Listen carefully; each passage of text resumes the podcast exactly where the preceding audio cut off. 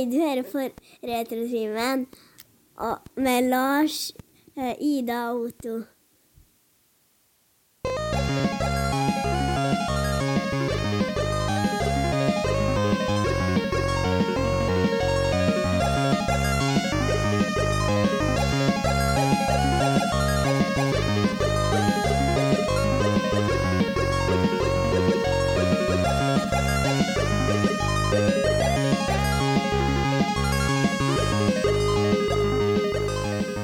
Velkommen til gards.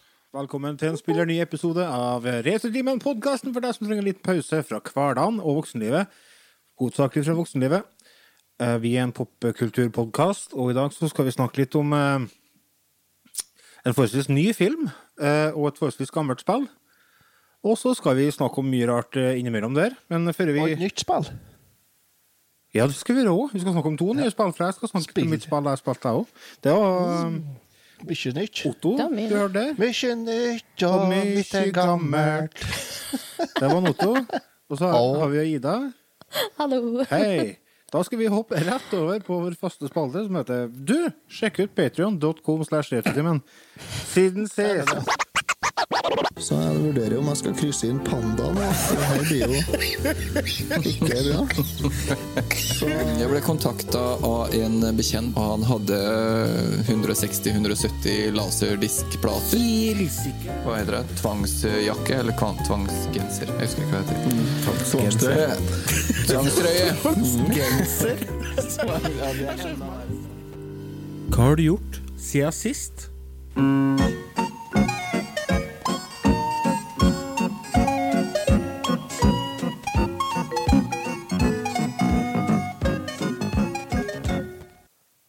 Og velkommen til den halvfaste eh, posten vår.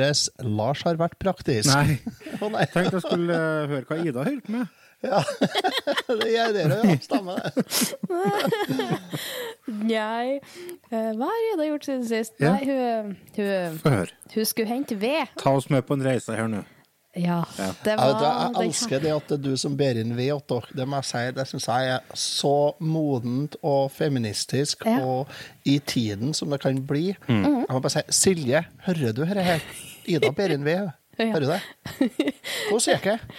Jo, nei, det var jo så fint et vær, så jeg fant ut vi kan jo tenne opp litt i ovnen. Ja, koselig, Skulle ut da. hente ved. Ja, Knitre i ja, peisen og Ja, ja, ja. Mm. Uh, det har jo regna litt, Ja. og så har det vært litt kaldt. Og så har det regna litt mer, og litt snø. Hva og det, litt hva, kaldt. hva det blir da? Det blir litt glatt. Litt glatt, ja. ja. Det blir litt glatt, ja, men litt glatt uten problem. Nei, nei, nei. Eh, Nei. Det trodde jeg òg når jeg gikk der med to sekker med ved. Ja, for du tok ikke bare én sekk. Nei! Nei. Jeg orker ikke å gå så mange ganger. Nei, akkurat. Det gikk jo ikke butikk her. Nei, nei, nei.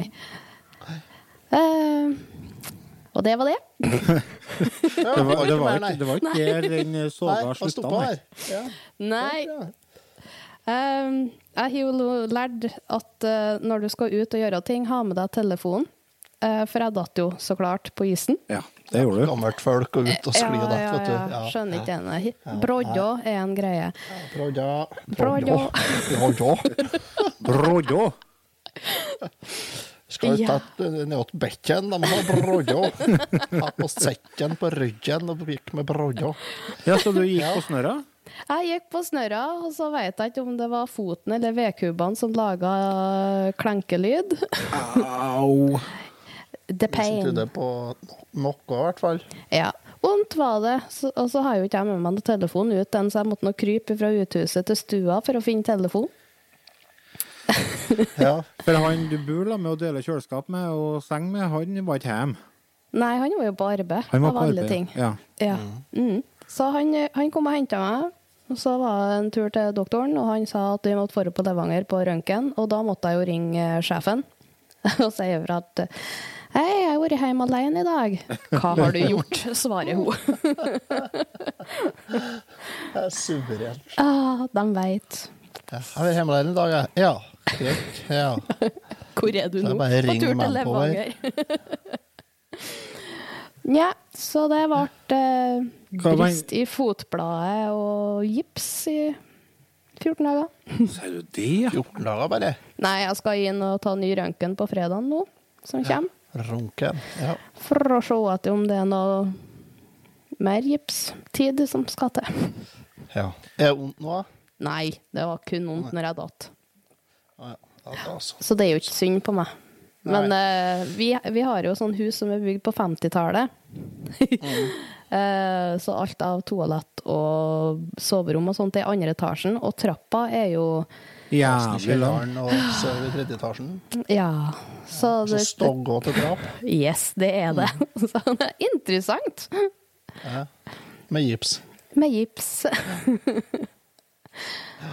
Ja, nei, men det syns jeg er Godt jobba. Ja, um, Takk. ja så jeg vet ikke hva jeg skal si. Men jeg kjøpte ikke dere Pellets-ovn, sånn at du skulle slippe den? den.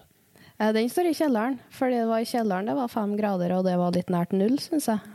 Så den Ja. står ned og knitrer. Så varmen syger jo opp, men det er jo godt med litt mer varme. Ja, ikke som litt peis når det er hjemme alene, sier Nei da, det er ikke det. Otto, det er ikke lov å si. Men eh, så den pelletsovnen, den eh, gjør ikke susen, den, da? Jo, det gjør den jo, men da må du jo huske på å fylle på den. Ah, ja, det er en sånn eh, ovn du som du må bruke for at den skal bli varm, den er. Ja, Ja. og så må du jo gå ned den trappa, og jeg får ikke meg ned den Nei, trappa. du skal ikke ned noen trapp. Nei. Nå, skal, nå får du ikke den eh, Nei, men vi kan ikke risikere å sende han ned den trappa uansett, nå, Otto, det skjønner du. Ida bør ha, du bør ha livsløpsstandard og alt på ett plan. Ja, så det er under eh, planlegging nå, at når vi er ferdig med garasjen. Jeg kjenner Ida på Steinkjer. Hei, Ida, hvis du hører. Hun er akkurat like som deg. Hun detter bare av vaktene om morgenen. ja, ja, ja. Ja. Kjempeenkelt. Kjempesnedig her. Så jeg føler med deg. Men eh, ellers har det gått greit, eller? Ja, ja, ja. Ikke noe problem ellers. Sykesøstera sa ifra til Eirik at han måtte passe på meg, og han svarte jeg skal prøve, fordi han kan ikke være med meg 24-7. Jo, det kan hende. Han må jo ta fri fra arbeid. Så Veit ikke. Skal vi bo alene? Nei, ja, det jeg tenker på, er ikke noe som heter omsorgsbolig eller noe sånt. Da. Ja. Kan du eventuelt få til deg sånn støttekontakt, da? Ja. BPA. Ja. Brukerstyrt personlig assistent. Ja. Melder deg frivillig? Eh, nei, utgår. Nei? Ikke det, nei. Og hente ved for og sånt ja, på spillerska. Ja. Ja, nei. Det, det er ikke så bra betalt å være BPA heller, tror jeg ikke. At det, ja, mye TV-spill og øl, da. Ja. Oh, ja. ja, men det er bra. ja, my- jeg må ha trøstepils. Det er viktig. Enn eh... Hvordan går det opp i fjellet, Otto? Ja, det er dere Heidi Det medfører riktighet. Det var Heidi fra 1978. Det er da den nye jingelen din. Det er året jeg ble født. Ja. Ja, Hø. 68 du ble født. ja det var Ja, stemmer. Stemmer. Ja. Jeg bare glemte det. altså. Nei, du, her går jeg som det bruker. Det er rasle og tasle og går. Eh, Vært på skitur. Vært på skitur tre eh, Jeg har vært på skitur to dager, og ungene tre dager. Eh, Starta med verdensrekord i bakklattski til eldstemann første dagen. Og da skulle vi selvfølgelig gå kjempestygglang motbakk. Ja. Der han hadde ikke noe feste og kjempeglid tilbake igjen. Mens eh, jeg og Celine hadde spikerfeste både opp og ned. Nei, vi hadde ikke men greit feste både opp og ned. Hadde vi.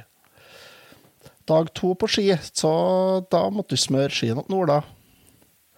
Det viser seg at eh, det er faktisk folk som har millionlønn for å smøre ski, og det skjønner jeg. For det er visst noe i nærheten av en hel vitenskap. Og da gikk det Det varierte da Norda da ifra å ha eh, kjempeglatte ski bakover og framover, til å få um, helt solid feste framover og bakover. Altså null glid. Null glid. Sånn jeg skulle hatt når jeg henta ved? Han, ja, ja, det var helt skuddsikkert. Det var gikk ikke hele tatt framover. Han sto oppe, på, eh, på gårdsplassen her, så sto så tonte han med stavene. Han klarte for å prøve å få til å gli nedover gårdsplassen her.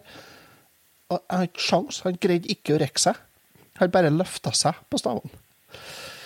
Også til å da finne en uh, smoling som virka bra hjemme på gårdsplassen her. Uh, han har glid, han har feste. For oppå oppe i lysløypa her, altså en kilometer unna. Og der hadde det da gått over ifra å være helt OK til å være helt forferdelig. Så da sto han plutselig med fem centimeter tjukt is og klabblag på under skien, da, så han måtte renne over skien til meg og Silje for hver tredje meter. Da ble det 200 meter med skitur, og så hjem igjen. Dagen etter, det som er så rart, dagen etter, akkurat samme skismurninga, ikke gjort noen verdens ting, Ja. Glei som sånne juling, bare og rent runde på runde i lysløypa. Og så er vi i Trondheim. Snartur til Trondheim. Storbyen. Storbyen, Barteby. Bartebyen. Rush. Rush trampolinepark, folkens. Ja, ja, det er Tiller. Mm. Rett attmed City Syd, egentlig. Så det ble en tur til doktoren med deg da, skjønner jeg.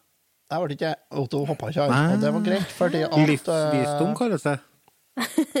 Livsvisdom kalles det, også kalles det normal høflighet. fordi at det som er en av bivirkningene med å drive gård og være fjøskall, er det at du svetter fjøslukt.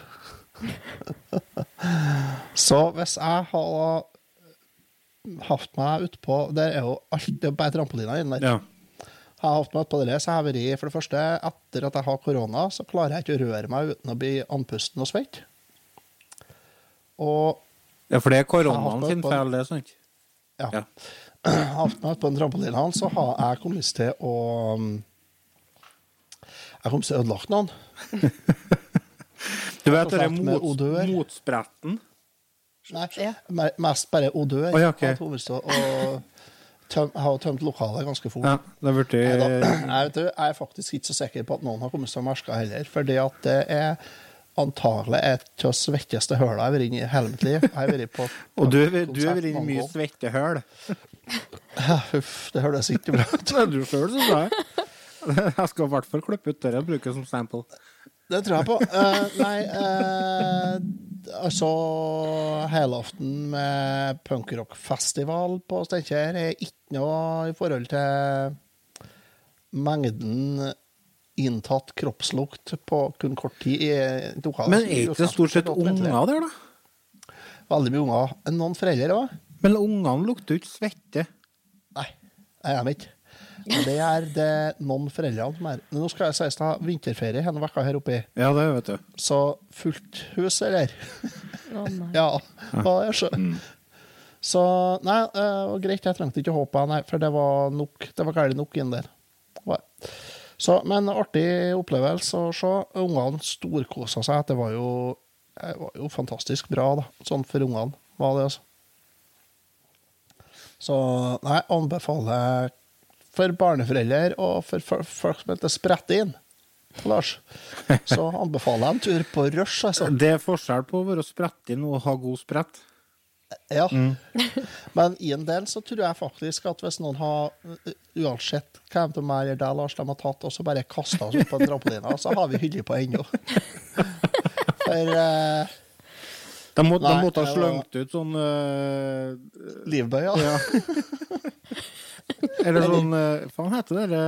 Uh, heter kniver. sånn som vi skal kjøre narkomane strømmer skoen med. Borrelås. I taket. Ja. Så kanskje fest, fester meg til det på noe vis. Ja, Du med krøllene dine har jo tid og har fått feste. Det har begynt å brenne, vet du. Og så har jeg, har jeg solgt traktorer. To traktorer i ferie. Happy med det. Første på én kveld. Levert to traktorer med hver sin semi på én kveld. Semi nummer én kjørte seg fast i Stølia, som jeg heter til bygda her. Der sto han, da, måtte ha tungberger og sånt. Stengt hele Ånglarsveien i over to timer. Oi, såpass? Ja. Det som er litt artig der, da, er det at uh, egenandelen, altså oppmøtetaksten på Tungberger, er 15 000. Åhå. Jeg tror ikke de fikk noe mer enn 15 000 for å kjøre den traktoren over til Gjøvik heller. Så der er noen som ikke tjente penger. Men eh, ja, ja. Ikke med et problem. Tenkte jeg skulle spørre om noe, men så fant jeg ut at denne blir for avansert. Ja, det blir det sjøl. Så nei, så det har jeg gjort. Ja. Enn du, Lars? Hva har du gjort? Nå jeg gleder meg til å høre jinglen din. Dæven, det bør være noe bra nå. OK, uh, skal få høre uh, jinglen min. Den eh, er sånn. Dyppe den i fløte Han eh, Vet du hva? Du har å legge inn en sånn klabbslåt opp deg sjøl òg. Ja, når jeg gjør noe klabber, så skal jeg legge inn en klabbjingle. Ja, få høre. Det har du jo garantert gjort. Nei, jeg har eh, Har du blåst ut noen fakler?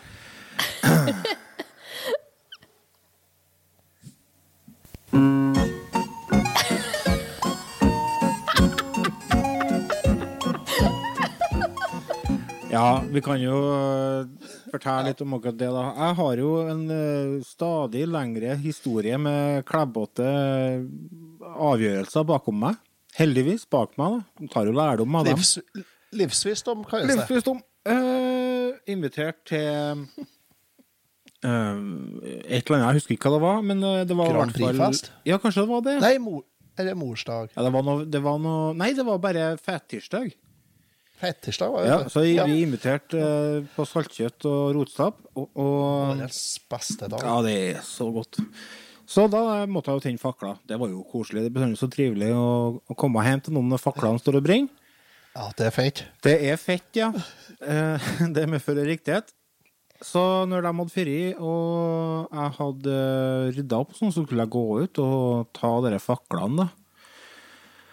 Og så tenkte jeg nå, den faklene der brenner jo i det som er til å vinne, så jeg må jo virkelig blåse hardt hvis jeg skal klare å slukke den hen.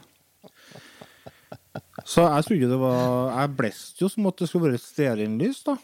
Rett nedi fakkelen. Og det var da stearin overalt i trynet. På brillene, hendene. Jeg så ut som jeg hadde fått uh, meslinger. Og utover snøen, og utover jakken og, og T-skjorta. Og ja, sto i ganske bra. Det er nice. Ja. Og så Da sløkte jeg jo anderen eh, på annen måte, selvfølgelig. Men eh, det jeg gjorde da, var at jeg, jeg merka jo selvfølgelig ikke at det var stearin på jakken før i dagen etterpå. Og så tenkte jeg OK, nå må jeg få fjerna dette på noe vis, da. Og så sjekka jeg, så ja, da må legge klærne i fryseren. Så kan du skrape av. La jakken i fryseren. Glemte av den, selvfølgelig. Så den lå jo en hel dag nedi der. Men det var ikke farlig, den var god kald når jeg tok opp den. Og så skulle jeg liksom skrape av de greiene og av litt, men det var jo mye fett igjen da, inni jakken. Inn, ja. ja, det var det. Så tenkte jeg ok, da må jeg høve den til vask, da. Så gjorde jeg det. Glemte av den i vaskemaskina, selvfølgelig. Så den tørska jo inni vaskemaskina. Åh, Fullt av klumper i, jak i jakken. Dunjakke? Dunjakke, vet du. Å nei! Dy, Det dyrest, dyrest jakken jeg har hatt noen gang. Men Ja, du, eh, ha den i tørketrommelen bare på sånn rullerull, og så ha sånn kuler inni. Så fluffer seg opp sjøl. Ja, det var det jeg fant ut etter mye om og men. Da, så vaska jeg den en gang til, og så kasta jeg den inn i tørketrommelen, og så hadde jeg inni i sånne spiker balls. Så da ble den grei, da. Men det, det, var et, eh, det var en greie, ja. Det var det. ja. Ellers- Nei, altså, det, Ellers har jeg sett uh, mye The Office. Jeg er på sesong eh, sju, snart på slutten av sesong sju. Og det er jo fortsatt en fantastisk serie. Men så har jeg spilt uh, et eh, TV-spill som heter For Hogwarts Legacy.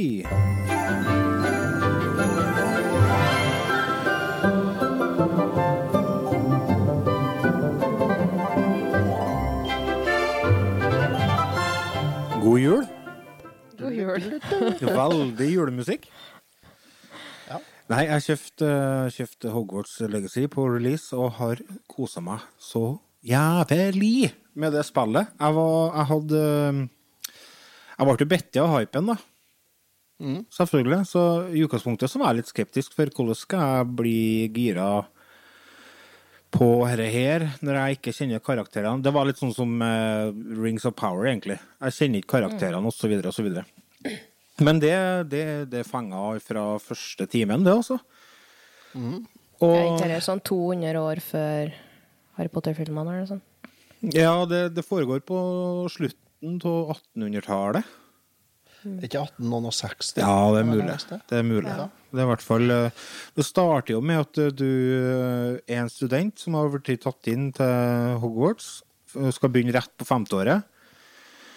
Og på vei til Hogwarts så eh, blir du angrepet av en drage. Du har med deg en lærer da, som heter professor Figg. Han er liksom eh, mentoren din underveis. Han blir med deg, og når dere sitter i den vogna høyt på himmelen, kommer en drage og angriper. Og så viser det seg at han Figg der, han har jo en sånn mystisk gjenstand. Som eh, viser seg å være en sånn nøkkel som teleporterer dem rett til Gringotts. Litt mystisk kammer i Gringotts, og der eh, starter alt i hop, da. Ja. Og det er Det er et sånt spill som jeg bare koser meg med. Det er, det er, det er en verden som er helt fantastisk nydelig, og etter hvert, eh, når du får liksom denne angrepsmekanikken inn i fingrene og sånn, og det tar ikke noe lang tid, det er liksom et par timer, så sitter kontrolleren som støpt, og da er det full rulle, altså. Og det er varierte oppdrag, og det er masse side missions og mye artige karakterer, og magi rundt hvert et hjørne. Det er bare det få å gå rundt på den skolen der, og så kikker du etter meg. Oi, det var plutselig et maleri som gjorde et eller annet, og så går du noen meter lenger ned, og så kommer ei katt som du kan stryke på, og så plutselig kommer et spøkelse, og så er det Altså, det, det er ting som skjer overalt, hele tida, og det er, det er så levende og artig og nydelig og fantastisk at eh, det er lenge siden jeg koser meg så mye med et åpent verdensspill, altså. Så jeg, jeg spilte i 16-17 timer nå, og jeg tror ikke jeg har kommet så langt egentlig i sjøle storyen, men jeg, jeg har gjort en del oppdrag, det har gjort, og, men jeg, det, det er nye ting som dukker opp hele tida. Sånn, oi, jeg må bo på det igjen og sjekke ut. Oi, den var noe eh, sånn eh, Hva er det? Ikke krypdyrskyter. Hva er det? Krypskytter?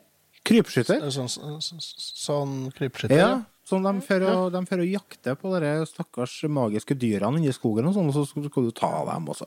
Det, er, det er rett og slett et artig spill. Jeg anbefaler virkelig, hvis dere er glad i Harry Potter-universet og, og er glad i eventyrspill og åpen verdensspill, så er dette et uh, kjøp som uh, garantert gir deg mye for pengene. Men anbefaler du deluxen eller vanlig? Hva som er er har med prøvd deluxen. Nei, hva det er som er med der, da? Er ikke noe klær og sånt som er med? da? Jo, men også en uh, Glemte av ordet jeg skulle si. Eh, det er med noe få mer quests, kan du si, da. Å ja. Nei, jeg, det vet jeg ikke. Jeg, har kjøpt bare vanlig versjon, og har ikke uh, tenkt over det i hele tatt. Nei. Men det er litt kult, ja, for det, det var Det er jo mye sånn kleier sånn, som du finner, og som gir deg bedre angrep, bedre forsvar og sånn. Og det er sånn Jeg blir litt sånn rar når jeg holder med sånn kleier på spill, fordi at jeg finner en, noe som funker, og da vil jeg ha det sånn hele tida. Selv om jeg finner noe som er bedre, så har jeg ikke lyst til å ha det på, for jeg liker looken på det forrige. Men det som er litt genialt, er at når du først har funnet f.eks. en hatt, så kan du selge den hatten, men du har fortsatt utseendet til hatten. Så det er muligheten til å, Hvis du finner deg en nisselue lenger ut i spillet som har bedre angrep, så kan du ha på deg den, men du kan bruke looken til den hatten som var tidligere. Så hvis du finner, finner en stil, så kan du bare ha den hele tida. Og det, det er drittøft. Og det, det Jeg begynte å tenke det, faen, det betyr jo litt. At du liksom får litt eierskap til karakteren din, og at du ikke bare for å vandre rundt med helt sprengte briller og en sko, og altså, bare for at det er litt bedre å bruke, liksom. Nei, det, det er kjempeartig. Det er en solid M så langt, og Herlig også. jeg håper at det klarer å holde seg hele veien ut. Herlig å stikke en nål i det politisk korrekte woke-folket, eller? Og hive penger på J.K. Rowling. Og... Den øh, øh, Den, den bobla, bobla der sprengtes da ganske fort, gjorde den ikke da, når spillet kom ut? Oi, oi, oi. Jeg veit ikke. For en av de første er- karakterene du møter i spillet, er jo trans. Selvfølgelig. Ja. Må jo være det. Men uh, det skal jo legges til da at uh, spillet ble jo faktisk, uh, er jo faktisk banna fra GameStone Quick. Jo, jo, det får nesten stå på deres regning, altså, for det, sånt driver ikke jeg med. Det, denne syns jeg er litt interessant å se, fordi at det har jo solgt som faen. Det har solgt over Ja. millioner eksemplarer allerede. Oh, det er nesten like mye som en solgt Xbox Series X og S. Ja, og det er sånn Si litt. Nei, det er ikke ja, det er solgt 18 millioner til dem, da, men ja. Ja, av og til så får er jeg følelse av at noen er veldig flink til å lage mye støy. Men at det noen ikke er så veldig mange. Jeg tror det er media-hype rett og slett som gjør at de har fått det, De høres mye mer enn de ut enn de er. Ja, så tror jeg det at faktisk det at det har vært en del støy rundt dette spillet her, det har faktisk vært positivt for selve spillet. Fordi at jeg tror veldig, veldig mange Det ser du òg når du leser i media og sånt nå, at det, er en motbevegelse i gang eh, i forhold til det med Vogue. At eh, folk er litt lei av at det har blitt så ekstremt. Så når folk da begynner å si ja, du må eh, spille spillet fordi at uh, forfatteren av bøkene har uttalt seg på toskete måte, så blir folk lei. Og så nei, da kjøper jeg tre eksemplarer, og så gir jeg bort to til jul. Ja. Og, og det er vi faktisk kommet. Ja, vi har det. Og da er det på tide liksom å, å steke fingeren i jorda, og så finne ut litt hvor vi egentlig er hen akkurat nå. Det er jo helt tullete hva folk får seg til, men det er altså Ja. Det må gå an, tenker jeg. Det er jo, det er jo ikke spill. Ja, og du, altså, du kan si at det er bare et spill. Men det er jo så mye mer enn det, sant? Altså, det er jo et kulturelt uttrykk som skaper et jævlig dårlig debattklima. Det, det er liksom det som er skumlest egentlig med hele greia, når det viser at, at det blir så lite det, det er ikke snakk om å møtes i en fornuftig debatt. Det er bare snakk om å stå på hver sin eh, borg og nikaste en på hverandre og si 'jeg har rett'! Nei, jeg har rett! Kanskje er det sannheten en plass i midten der. Altså, det brukes som regel å være det. Men vi, vi, vi blir så jævla ekstreme bestandig. Jeg er litt lei av folk, jeg kjenner. Mm. Lei av folk. ja, det er så mye skit. Må mer ut, tror jeg. Må mer ut. må mer ut. Uten tvil må mer ut. Men nå har jeg gått og venta på Nav i seks måneder, og det har fortsatt ikke skjedd noen ting, så jeg begynner å bli, kanskje å få litt sånn brakkefeber. da. Så nå skal jeg begynne å ut og se om jeg finner noe arbeid sjøl.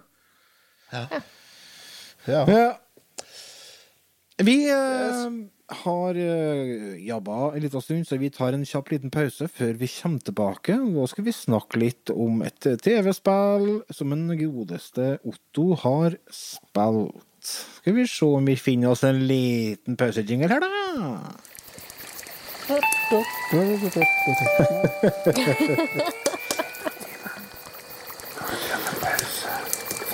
Svarte ikke den.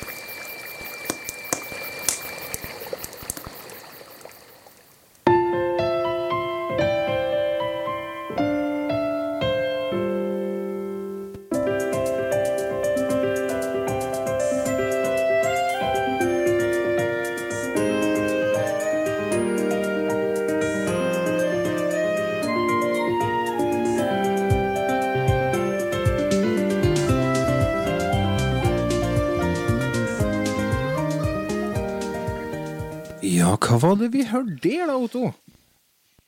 Kirby, da. Kirby, ja? Kirby Kirby.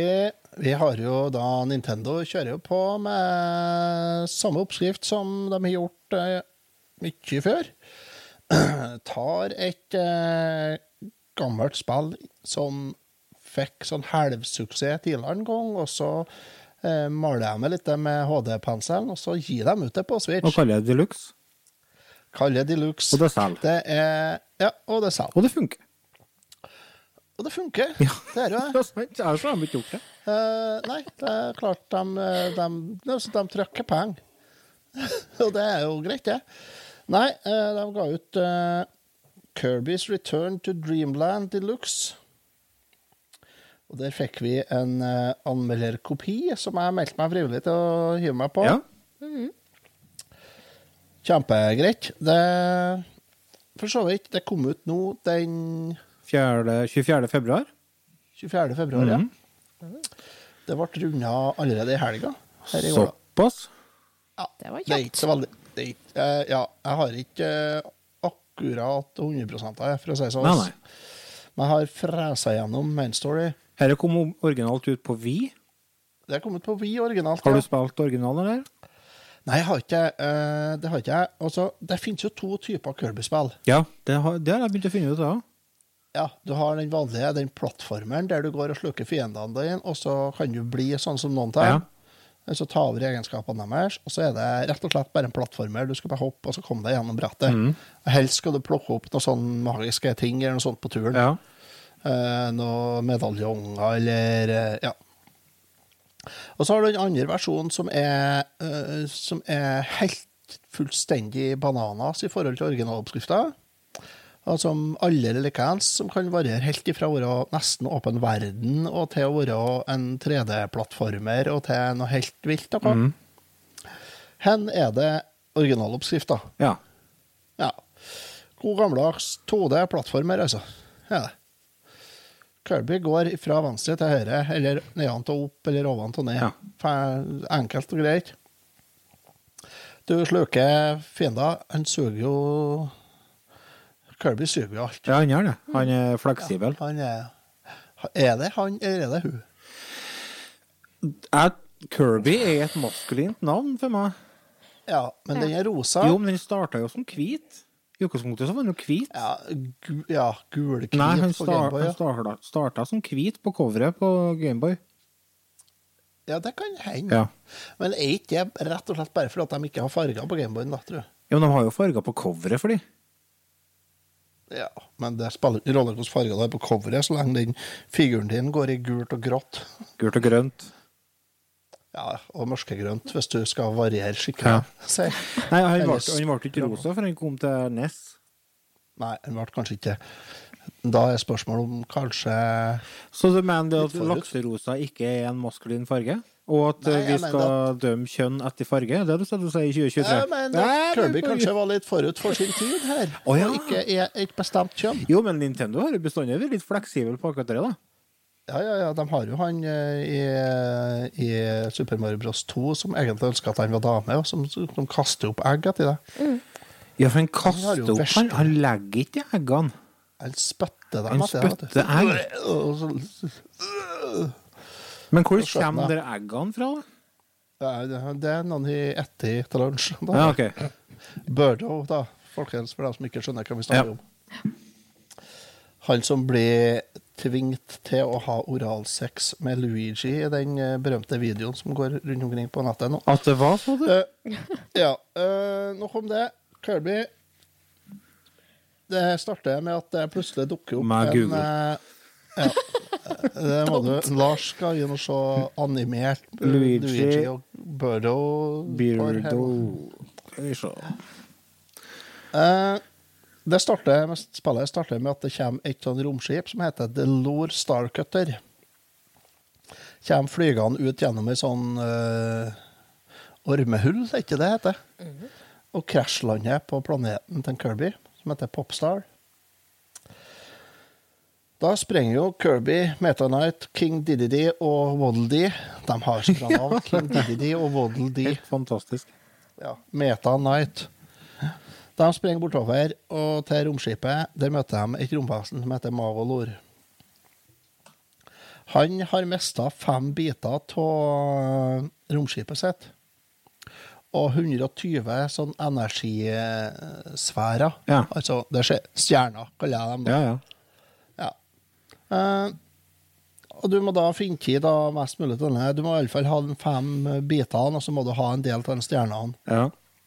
For, og hvis du får til alle de der, så skal du få lov til å være med han Magolor tilbake til hans dimensjon, da. Hjemverdenen hans, som heter for Halkandra. OK. Eh, Så det starter med du har sånn overworld map, der du starter med første verden, og så er det første, andre, tredje, fjerde, femte verden, ikke sant? Der du har funnet alle de stjernebitene og slått noen sånne slemme eh, bosser på alle de femmene der. Og de er inndelt igjen i flere stages, da. Tre til seks, sju stages på hver verden, liksom. Så det er litt bredt, da. Ja, det er en del brett, er det. Du må, og du må gjennom det. Du må gjennom alle. Men de er ikke så lange. De er ikke så veldig lange. Og det er en masse sånn hemmeligheter og snarveier på alle der. Ikke snarveier, men sånne hemmeligheter og andre alternative ruter, da. Er det. Etter du har fått samla i hop alle de bitene, du blir med dem til Halkandra, så blir stjerneskipet angrepet av en drage med fire hode, som heter Landia. Eh, Magalor påstår at dragen er et eh, eh, monster som eh, har tatt over Halkandra. Så Kirby han eh, springer ut da, for å slå det For å ta denne dragen. Etter at du har tatt der dragen, så viser det seg det at han Magolor eh, han eh, hadde jo bare tenkt å ta krona til dragen. Eh, Dragen har ei sånn krone på, som heter Master Crown. Og sånn Magolor tar den, han. Da blir han allmektig og har planer om å overta hele universet. Og For å starte da med Popstar skal han ta over først. Som er planeten til Kirby. Ja, og da hiver du deg rundt i lag med dragen. Og konfronterer han Magalor da i en sånn uh, siste kamp der. Gjør du. Og da, når uh, du har tatt han, så viser det seg det at uh, Ja, da, da tar jo han Landia-dragene, og du da tar det Lor-stjerneskipet og reiser hjem igjen. Og så kommer det en sånn ekstra mode etter det der, som du kan ta. Der du ikke har eh, det samme siste kampen med han Magalor, men der han Magalor blir til en som heter Magalor Soul i stedet. Og da viser seg det da at uh, egentlig så var det kanskje den derre Master Crown som styrte hele dette hopprennet her. Var det. Så Ja, jeg vet ikke. Litt sånn Eh, kort fortalt. ja, kort fortalt. Altså, det er jo en det er jo, det, For det første, det her er jo et spill som passer for eh, for unger. Passer kjempebra for eh, femåringen og tiåringen og han på 44 med ølmaga og dette. Så det er jo en eh, Jeg anbefaler jo Har du unger i hus, så her er en, det er sikkerslik, altså. Det er så sukkersøtt og vakkert, vet du. Ja. Det er Kirby som fer rundt og renner rundt og sluker fiender og spiser opp dem, og det er altså, det er jo bare nydelig. God, gammel oppskrift, Kirby. Um, samme som de har ført bestandig, egentlig. Uh, helt greit, altså. Du får se igjen mye av de gamle fiendene, eh, motstanderne, fiendene, igjen, da. Det er enkelt. ja. Uh, jeg kom til verden 6-2, tror jeg. Da første gangen jeg daua. Såpass, ja. Seks av åtte. Uh, ja, det var sju, tror jeg. Ja, okay. uh, sånn hovedverna. Men ja, jeg var på 6-2 jeg tror jeg, før jeg daua første gangen. Der tror jeg daua fire eller fem ganger totalt. Ja. Og da hadde jeg, jeg var noen og 70 liv da, tror jeg når jeg var ferdig med spillet. da. Du slapp å bruke eh, Amibo, da, Jeg trengte ikke Konami-kode, for å si det Nei, sånn. du trengte ikke å bruke Amibo heller. Nei. Jeg vet ikke om jeg støtter det, men det kan godt hende. Jo, det gjør det. Du får uh, ekstra stæsj.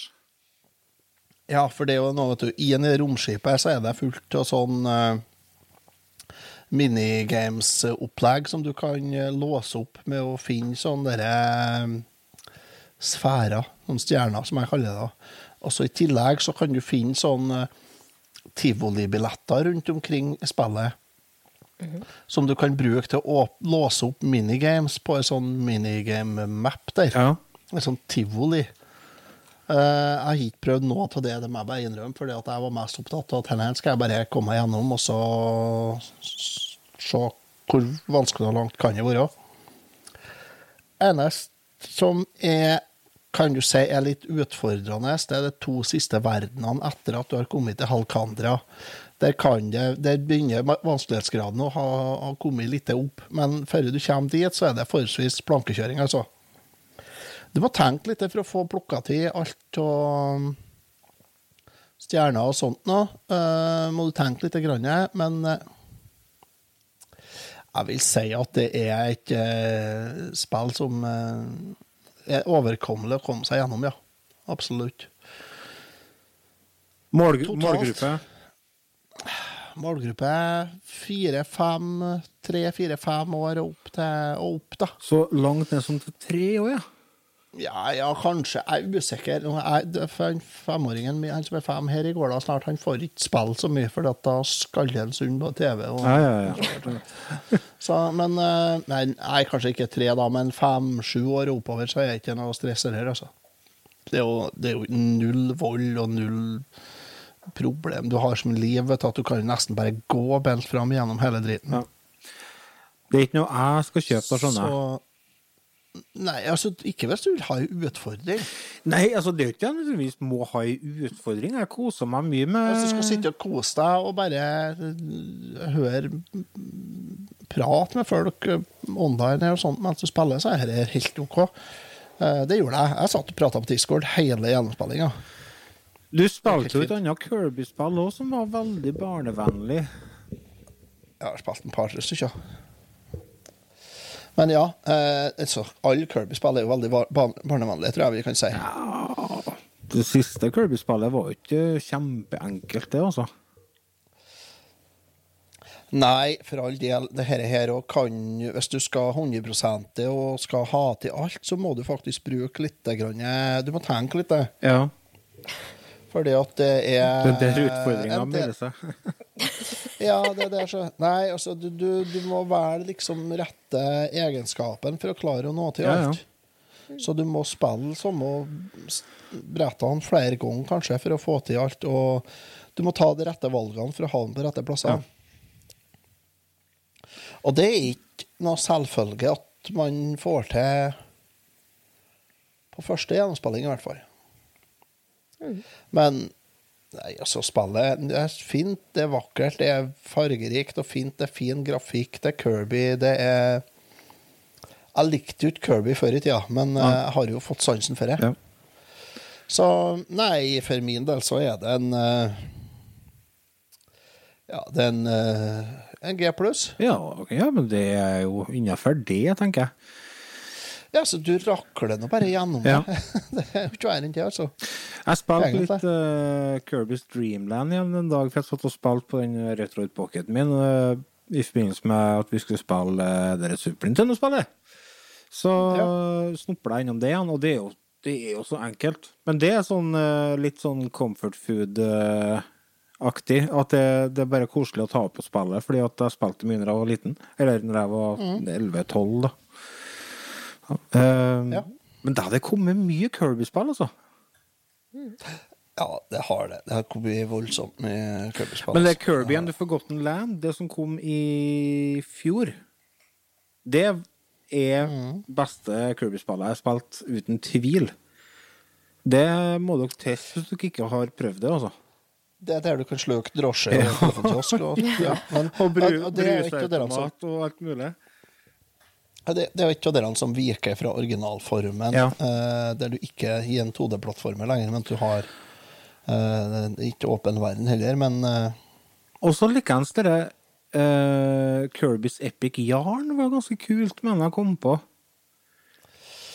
det var Det òg kom jo på Wii. Ja, det var det VU. Så ble det gjenutgitt på Switch. Ja, så det kom jo på Switch, det, ja. Det er derfor jeg spilte det, ja. Ja. Ja. Det ble gitt ut på, det ble gitt ut på Wii først, ja, tror jeg. Og så ble det gitt ut igjen på Switch, da. Hva var det med Nintendo og Garn i den perioden? De ga jo ut det andre. det er. Yoshi-spillet. Ja. Ja, Med alle de søte amiboene som var med på det Yoshi-spillet. Jeg kjøpte den kjempesvære Ja, Kembo-Yoshien. stemmer. Som en- Å, den er så Og så hva het det andre spillet som var med garn? Det der med han Rødvin og han Lillaen der. Nei, det er jo ikke Nintendo. Eller jo, det har kommet på Nintendo. Uh, det Ja. heter for uh, Kjære lyttere, hvis oh, ja. dere vet hva vi snakker om, ta send oss en post på post.retrotimen.no. Det heter for uh, Ja, hva faen heter det, da?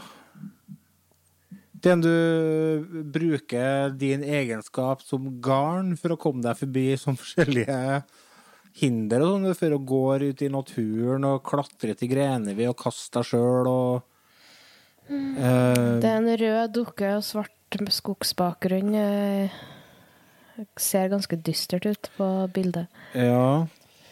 Ja. Dread, journey Jeg har følelsen av det er bare ett ord. Uh, Unravel heter det. Ja! Unravel heter Ja. det. Jeg spilte etter, Stemmer. det var jo dritbra. Toeren eh, begynte jeg på. Eh, jeg skjønner ikke hvorfor ikke jeg spilte det mer, for jeg elska etta. Men jeg tror kanskje det ble bare litt Jeg fikk litt sånn følelse av at det var bare mer av det samme. Prøvd første. Har du ikke det? Må du teste ut. Det er kjempe, kjempetrivelig og artig spill, og det, det er heller ikke, er ikke et kjempelett spill. Sikkert mange som flirer til oss nå når vi sitter og snakker om å, nyeste Kirby er ikke så enkelt, da. Men hallo, det er ikke alle som, alle som bor i kjelleren her, da. Eh, når det er sagt Var G pluss det endte opp på? Ja, det er nok det. Ja.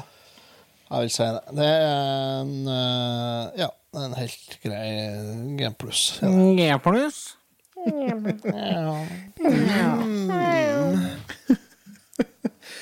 Men da Men altså, for all del, har dere unger, så er det et fint spill til unger. Når vi først er inn på spill, da, så kan vi jo bare kjøre i gang eh, den her. Ukas spill.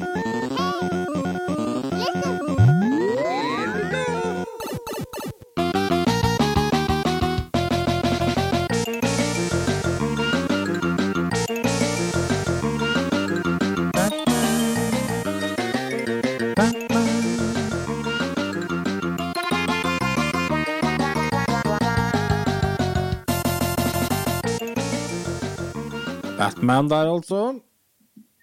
Vi eh, har eh, vært inne i kjelleren til Otto og grivet litt i den eh, Super Famicom-samlinga, og snubla over den her.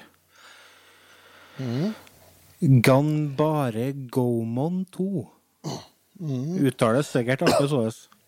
Ja. Det Gamon, gamon. Kiteretsu Shogun Magiseu. Ja, det var japansk. Eller på den engelske, egentlig engelske tittelen er Let's Go Goman 2 Very Strange General McInnes. Ja, for McGinnis, det er fienden din, hovedfienden din. Ja, Slammen. slammen. En uh, general fra det vestlige samfunnet som uh, i lag med en hærskare av uh, kaninmennesker prøver å westernisere Japan. Ja. Det henne er faen meg japansk. Dette er japanske Ja. greier. ja, kjempejapansk. Legenden om den mystiske Ninja 2. Ja. Legend of the Mystical Ninja kom jo i, i hvert fall til USA. Usikker, om, usikker på om det kom til Europa. Ja, det kom til Europa Nei, Det kom til USA, ja, men det var på Gameboy Advanced, var det, tror Hva jeg? var det? Ja Ja, så sier du det. Men hva det var som gjorde at du ville at vi skulle testere det, Otto? Jeg syns det er et litt artig plattformerspill med litt sånn De har tatt liksom Brukt Super Mario World som mal, skal du si, for Overworld-kartet, da, kan du si.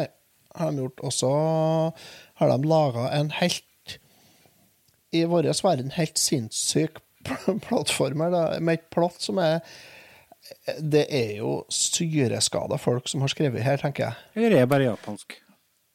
Ja, ja det er jo samme. ja, stemmer det.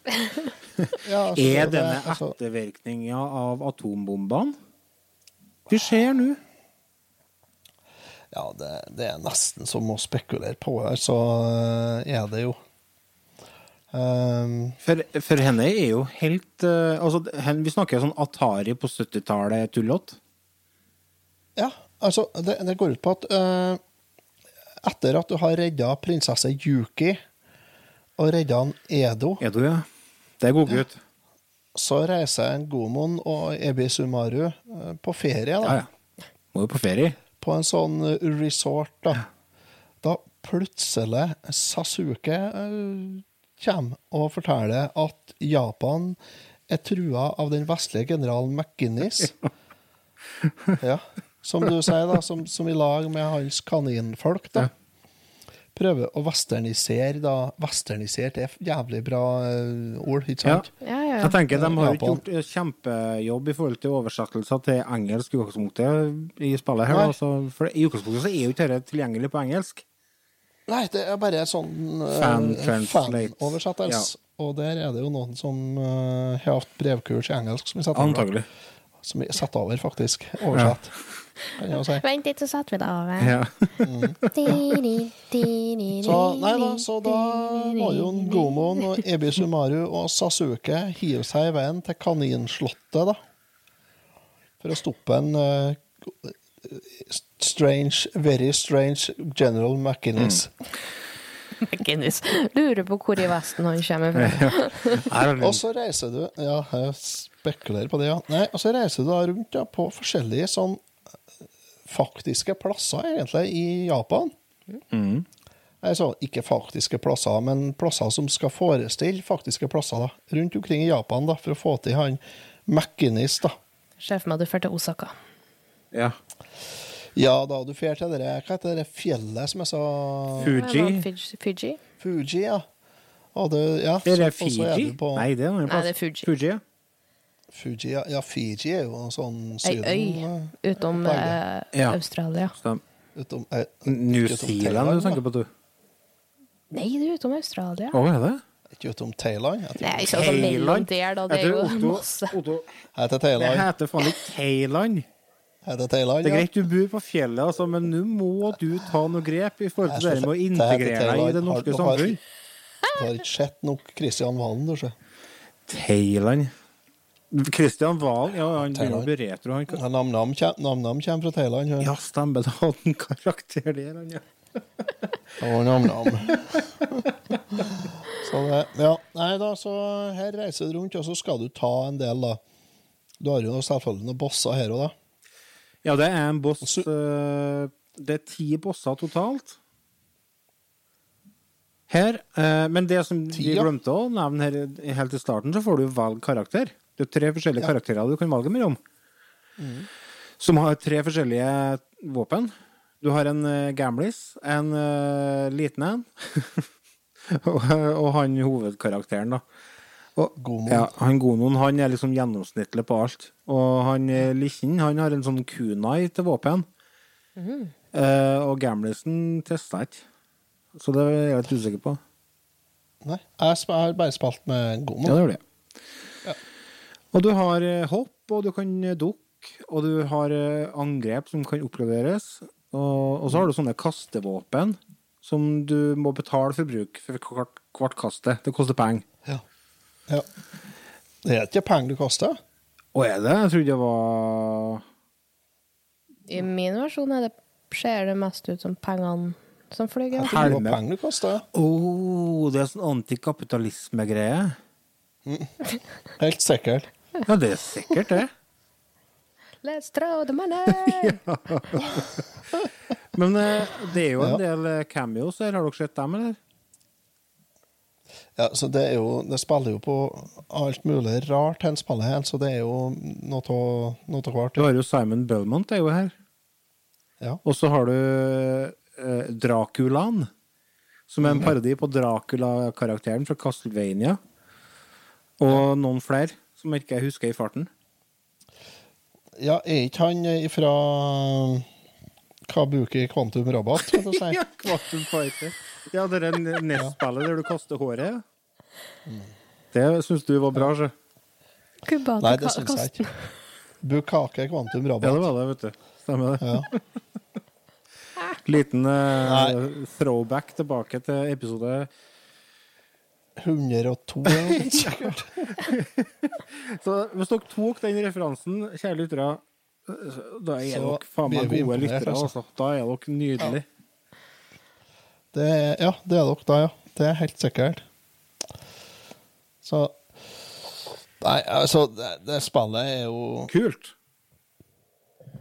Ja, det er et artig plattformerspill, altså. Også, Det det, det. som er, det som er litt tøft her, er jo blant annet at du får forskjellige sånn kjøretøy som du kan bruke, og, og det er liksom så, det er så variert, syns jeg.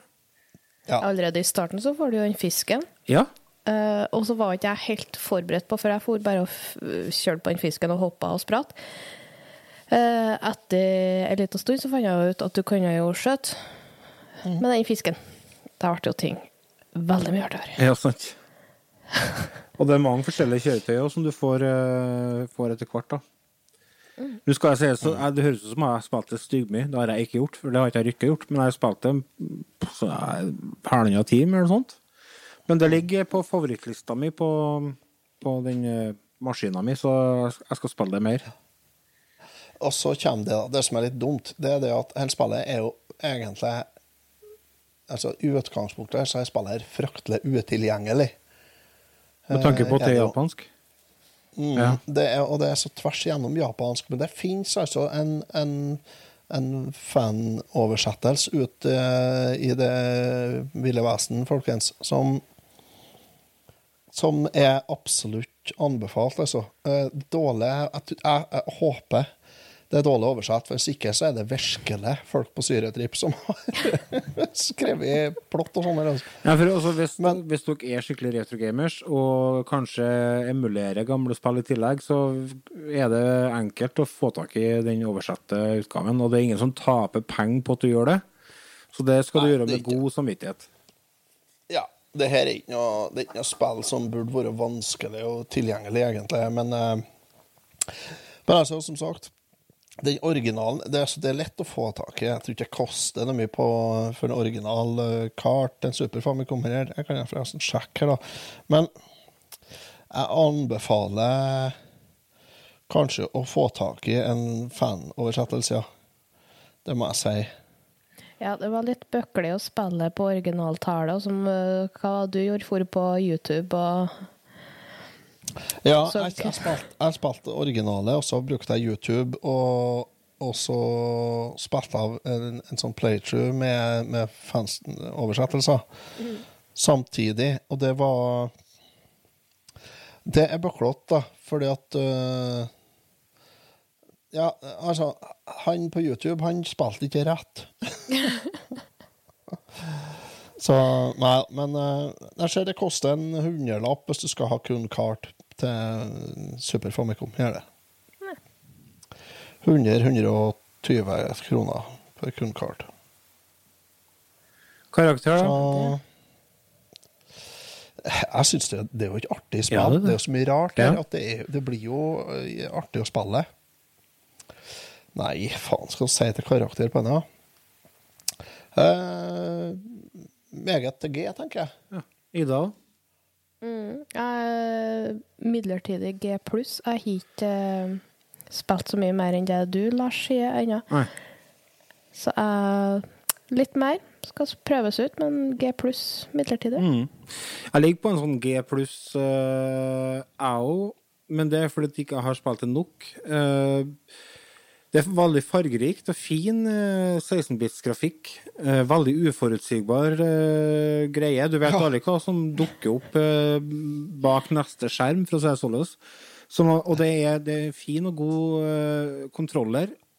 Så det er liksom Det er plattformspill, 8-bits og 16-bits eh, og- plattformspill Hvis jeg har god kontroller og fin grafikk, da, da er jeg villig til å sitte lenge, altså.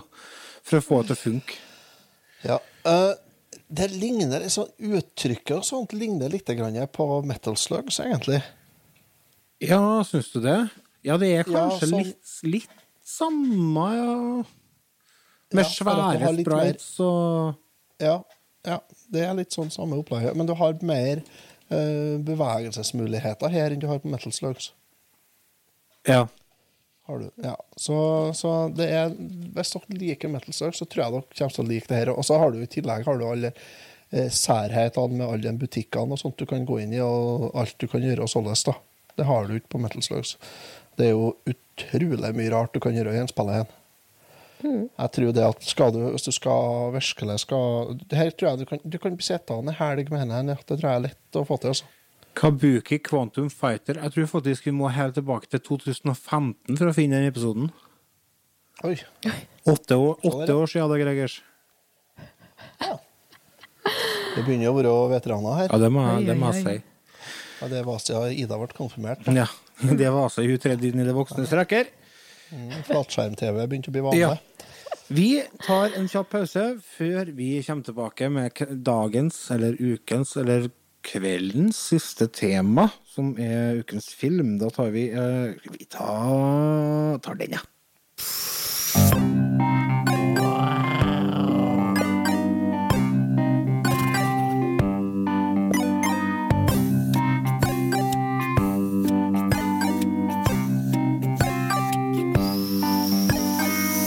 Du hører på Retrotimen.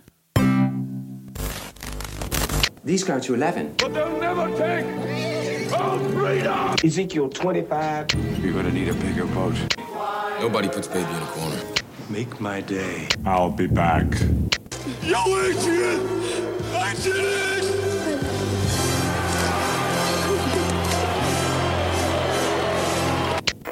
Nå har vi hatt det litt for trivelig, litt for artig, så nå skal vi dra gående stemninga litt. Å ja. Vi har sett eh, en film med selveste Brendan Fraser, er det egentlig? Brandon Fraser. Godbiten fra 90-tallet. Ja, Han, han var jo der. Han var jo ja hunkorama. han var Mumien og Ja, ja, ja. hele hopprennet der. George in the jungle. Ja, George, George, George in the jungle, watch out for that tree. Ah, watch out for that tree. Og så I treet. Du har også sett den, du? George of the Jungle. Eh, nei, George, nei, den har ikke jeg sett. Men, eh, men jeg må si at han spiller ikke riktig det samme rollen Nei, her. Da. han gjør ikke det. Vi eh, snakker Nei. selvfølgelig om filmen The Whale. Som eh, The Whale. Ja, har eh, Den kom ut nå nettopp. På kino Års. 3. mars 2023 i Norge. Ja, men den har vært ute i sin i USA. Ja, den kom til Ja. Det. Vi eh, Det er litt sånn uh, Her er ganske heavy greier. Brumsj. Så vi skal Ja. Vi kan ta oss og kjøre en litt sånn kjapp presentasjon av denne filmen ved å spille av eh, trailerlyd. Skal vi se her. I know these rules can feel constraining, but remember, the point of this course is to learn how to write clearly and persuasively. Think about that. Think about the truth of your argument. You're an amazing person, Ellie. I couldn't ask for a more incredible daughter. Are you actually trying to parent me right now? Who would want me to be a part of their life? You don't stay in touch with mom? She really only tells me things about you Why? because that's all I want to know about. Why'd you gain all that weight? Someone close to me passed away, and it had an effect on me. You haven't seen her since she was eight years old and you're gonna reconnect with her? Sorry. I don't like this. This isn't a good idea. I'm sorry. You say you're sorry one more time, I will shove a knife right into you. I swear to God. Go God. ahead. What's it gonna do? My internal organs are two feet in at least. Why do you suddenly need to see her so bad? Why now? Liz. I'm worried that she's forgotten what an amazing person she is. I need to know that she's gonna have a decent life where she cares about people and that she's gonna be okay. I need to know that I have done one thing right with my life.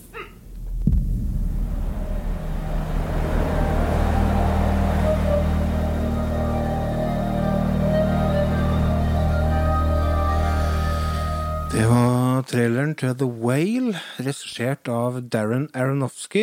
Eh, en eh, kar som kanskje ikke er kjent for lystige filmer. Han har jo blant annet laga Requiem for a Dream. Han har laga The Wrestler. Han har laga Black Swan. Så her er det en kar med litt eh, mørkt syn på ting og tang. Ja, litt. Mm. Det er basert på uh, et teaterstykke som er skrevet av Samuel D. Hunter. Uh, Off-Broadway-teaterstykke som eh, har fått veldig mye skryt opp gjennom årene. Og det har jo vært veldig, veldig mye hype om denne filmen òg. ikke bare positiv, uh, positivt i forkant. Uh, det har jo selvfølgelig Den her har jo blitt ramma, den òg, av woke-bevegelser. Som alt annet. Den har blitt anklaga for uh, fettfobia. Uh, Er det han? Ja. Uh, og folk klager på at uh, Brendan Frazier uh, Brendan Frazier spiller en kar som er tjukk og homo. Når det finnes tjukke homofile skuespillere som kunne ha gjort rollen i stedet. Det er, så, vet du, det, er så, det er så dumt å si, vet du. Altså, det er så Det er så Ja, nei, altså det er bare satt i perspektiv, da. Jeg er bare glad at han eh, kanskje er tilbake. Mm. For han kom jo veldig bort etter 90-tallet. Ja, hva det ble av han? Jeg veit ikke, jeg har ikke lest meg opp, jeg tør ikke å lese. Han, han ble ikke ramma av metoo, han? Ble den det? Nei, jeg, jeg, jeg fikk høre. Ja, nei, jeg, sånn som jeg ser for meg, ettersom alle sammen syns han er så søt og god, og Ja. hvis du bare ser når folk har sett noe sånt, så virker det som om han bare fikk en liten sånn berømmelsesknekk, Ja. som veldig mange gjør, Ja. og bare trukket seg tilbake, og er litt tilbake nå. Ser på filmografien hans her, så var det jo liksom Mumien, og Mumien vendte tilbake, og Mumien, Dragekeiserens grav, i 2008. Og så var han med i G.I. Joe, The Rise of the Cobra i 2009, og The Nut Job i 2014.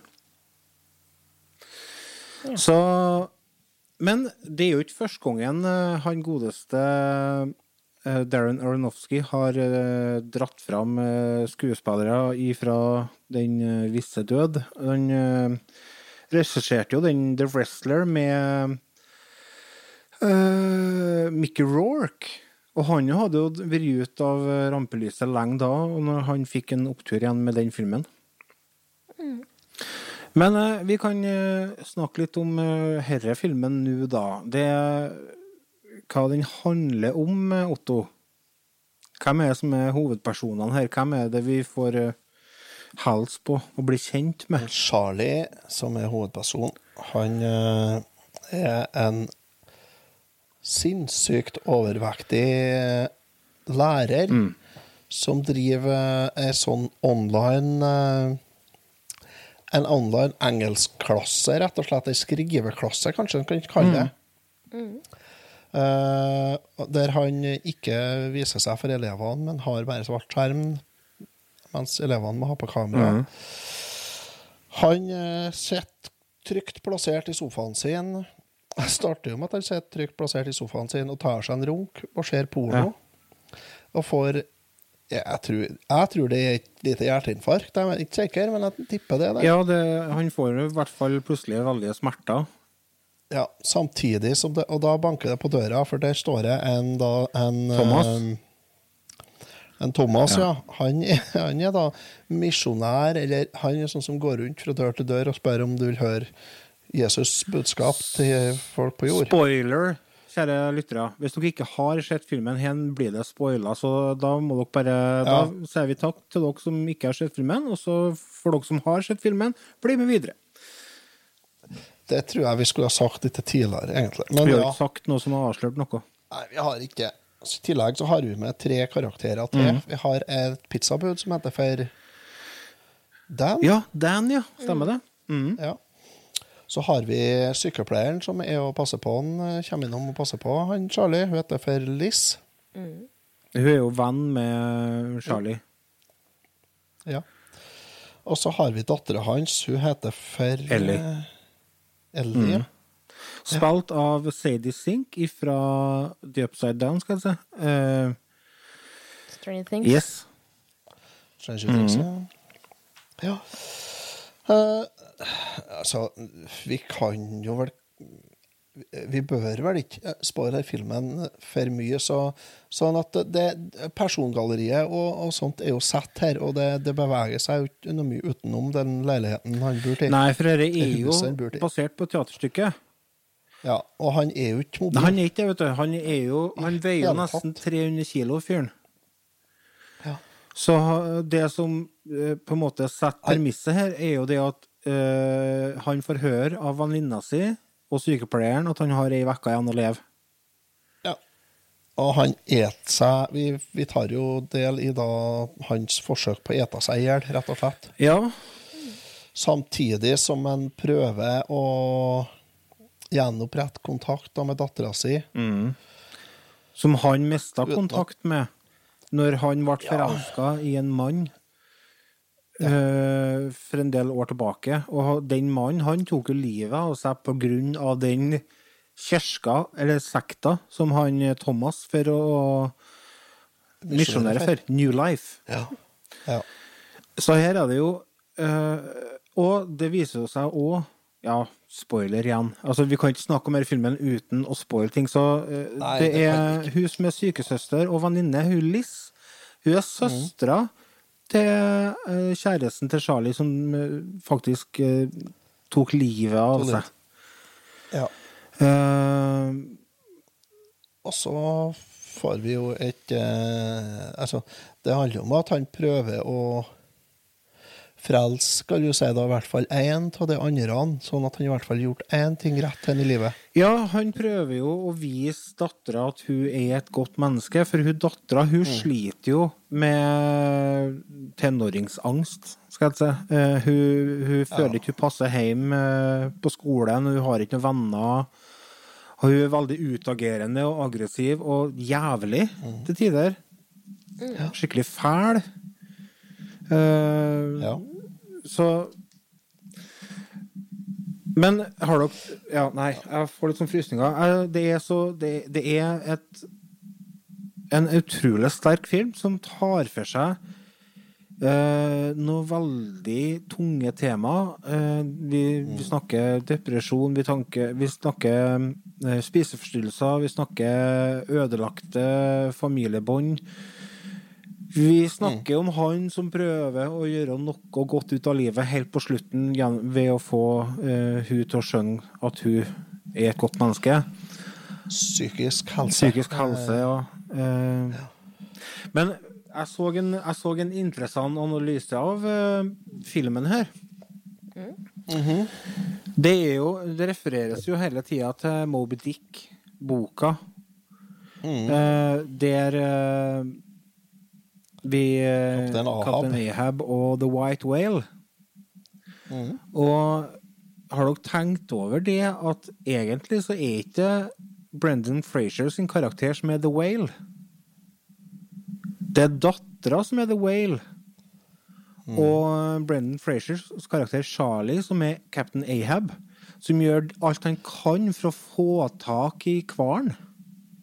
Og reise inn i døden. Han vet han skal dø. Og det huset som de er i hele tida, det er den trange båten. Og det er liksom Det, det er så fiffig måte å gjøre det på, for han driver jo hele tida og, og påpeker viktigheten ved å se under overflata. Når han holder på å snakke med, med, med nei, med studentene sine og sånne ting. Se det som er under, se på det som er sant. Samtidig som han uh, lyver for hele verden, for at han vil ikke vise seg, for han skjemmes over den han er. For liksom helt på slutten, da, når han uh, ikke har noe mye tid igjen, så bare tør han å, å vise seg for studentene sine, og til slutt så pælmer han PC-en i gulvet og takker for seg, skal jeg si. Det, jeg syns det var en uh, interessant måte å se filmen på. For liksom når du, får presen du presenteres med The Whale, og så ser du en veldig tjukk utgave av uh, Brendan Frazier, så tenker du ja, ja, det er jo han som er hvalen. Men uh, det trenger ikke å være han som er Men det er jo ikke ja.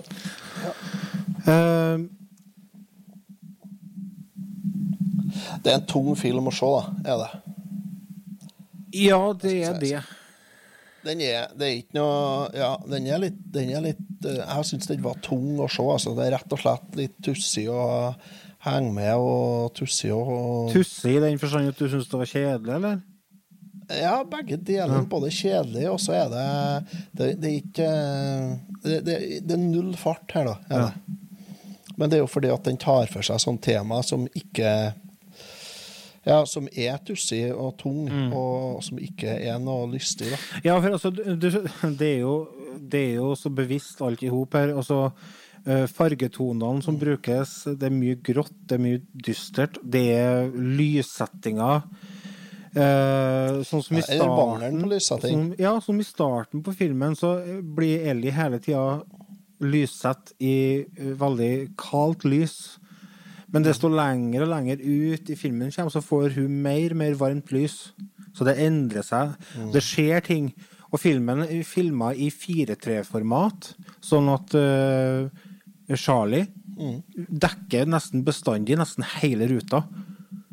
For å vise at han er så svær som han er. Først så tenkte jeg, når det var, var i 4-3, tenkte jeg hva i all verden de holder på med her? Er det tilbakeblikk? For det starter i 4-3, sant? Hele filmen er jo 4-3. Og så tenkte jeg ja, det her er sånn triks de gjør for å gå tilbake i tid. Men så nei, det er ikke nei. Her er, hvorfor gjør de det, da? Og så begynner jeg liksom å se på måten eh, filmen er komponert på, og så forskjellige scenene er komponert på, måten de bruker kamera på.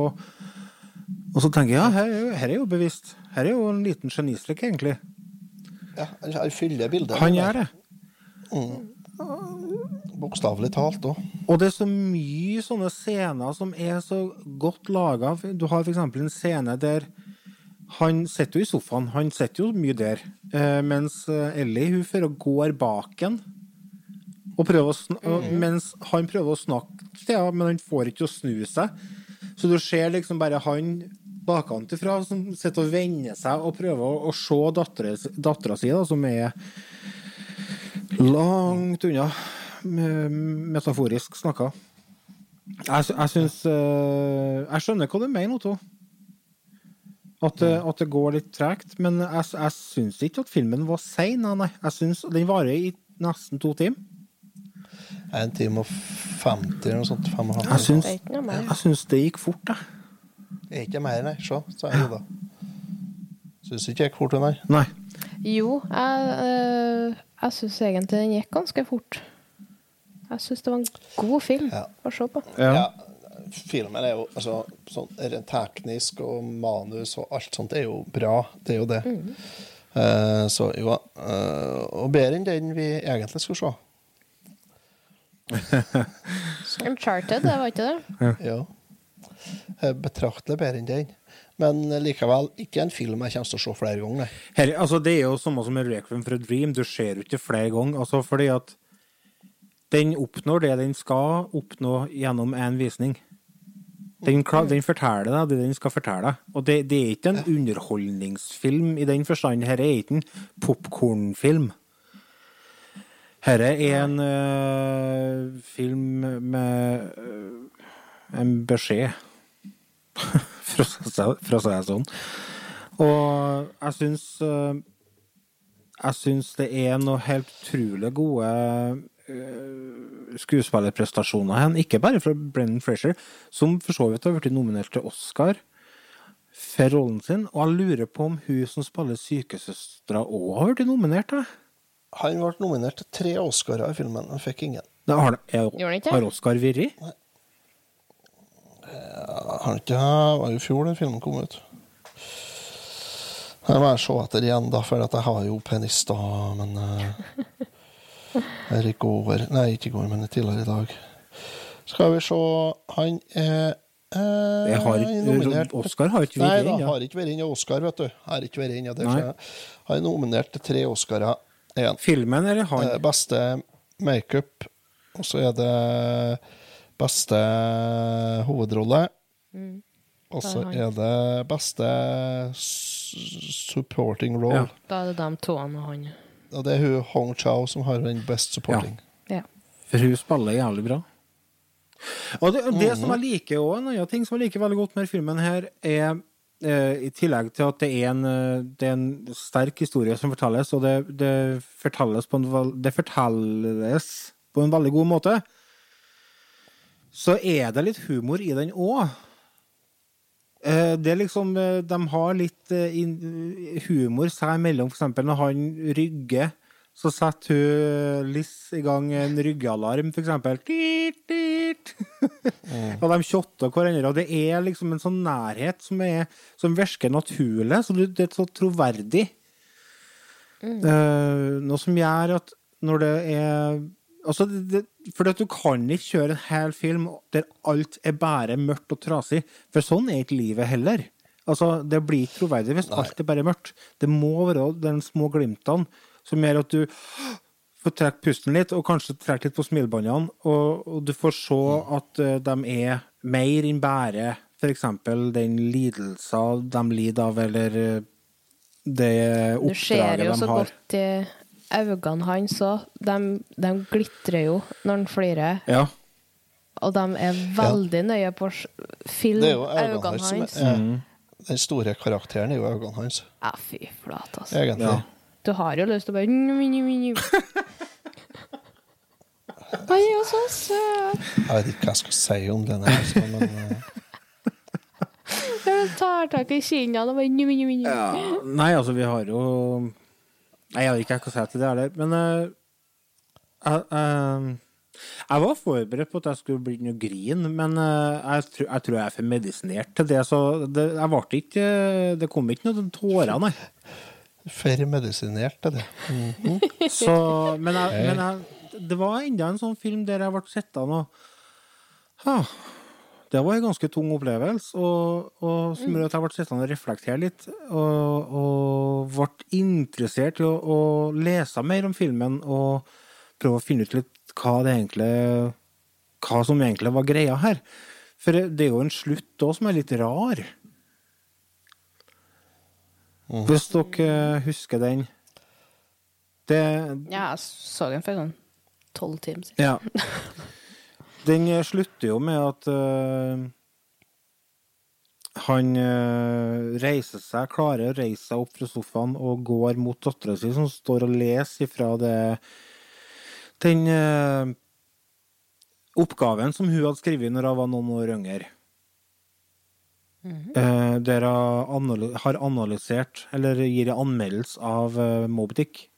Og han går imot hun som for noen dager siden Han har ikke sjans til å reise seg, og nå plutselig så reiser han seg og går mot henne, og det liksom blir varmt lys, og til slutt så letter han og re reiser opp mot uh, himmelen, og det feides til hvitt. Så det var litt sånn Hæ?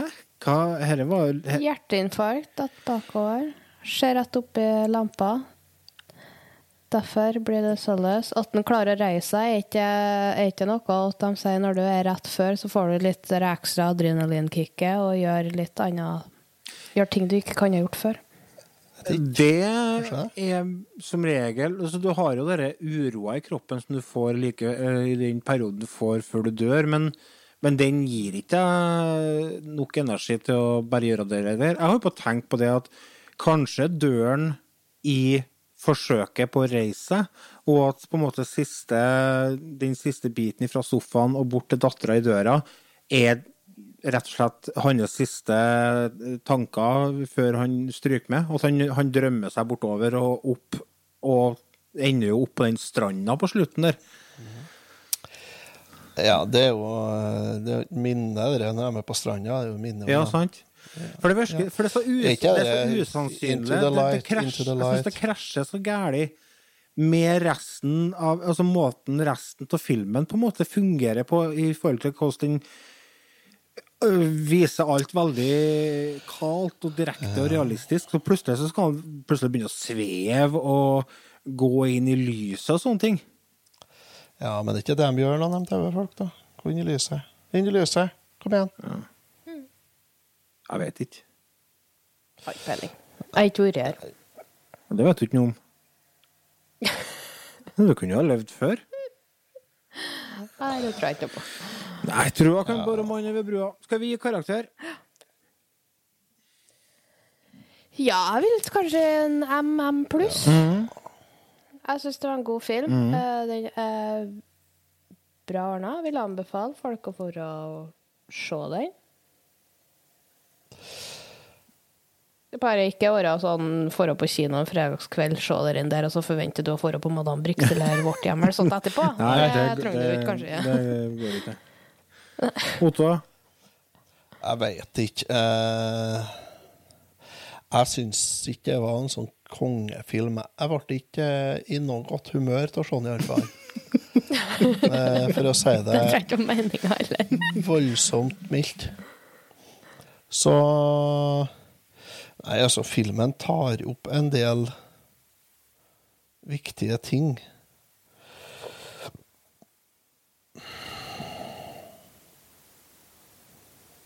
Meget min... Nei. Jeg er så usikker. Meget minus, G pluss, en plass imellom der. Meget til G, G til meget. En plass der. Ja.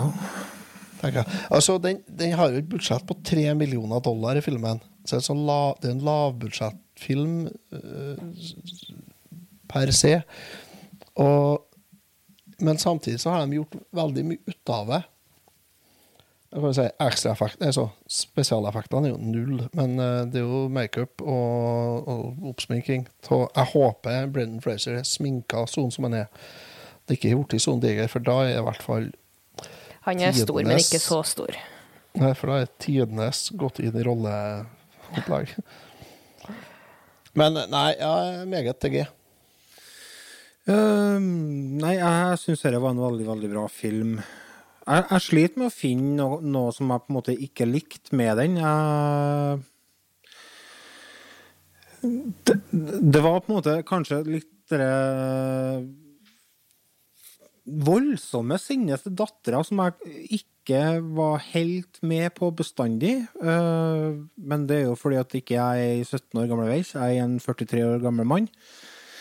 Så, og så slutten var ikke jeg helt fortjust i, men eh, ellers så syns jeg dette var en helt eh, nydelig mørk og vakker reise. Rørende og eh, Ja, jeg, jeg ble sittende igjen med mye tanker og følelser etter filmen. Så jeg, jeg syns den var kjempebra. Den får en M pluss av meg, da. Eh, Jeg syns den var helt topp, jeg. Så jeg vil anbefale den hvis dere har lyst til å se en film som kanskje ikke er Det er ikke noen fredagsfilm, men eh, det er absolutt, Nei, det er det absolutt en film som er verdt å se, syns jeg. altså. Jeg digger den. Neste uke så holder jeg på å tenke på om vi skulle ha prøvd oss på dere Cocaine Bear. Har dere sett reklame for den, eller? Nei. Det, det, det er basert på en eh, Det er basert på virkelige hendelser. Det, på eh, 80-tallet så var jeg, ble jeg dumpa masse kokain i skogen. Og her, her er det en bjørn som får tak i den kokain. Den har fått eh, veldig gode karakterer, og det skal oss for en veldig artig film. Ja, ja, ja, vi kjører på. Nei, vi får se. Vi får se. Vi får se, vi får se. Det er en uh, thriller-action på en og en halv time. Jeg vet ikke om vi har kommet ut ennå men jeg har sett Ah, jabber jeg bare. Vi sier takk for oss, og så tusen takk til dere kjære lyttere for at dere er med oss. Tusen takk til våre kjære patrions. Dere er selvfølgelig noen nuskete små nussebasser, hele gjengen. Skal ta dere i kinnene. Ja, skal komme og klippe kinnbein neste gang vi, vi treffes. Ja. Takk for oss. Hei nå. Takk for oss. Hei.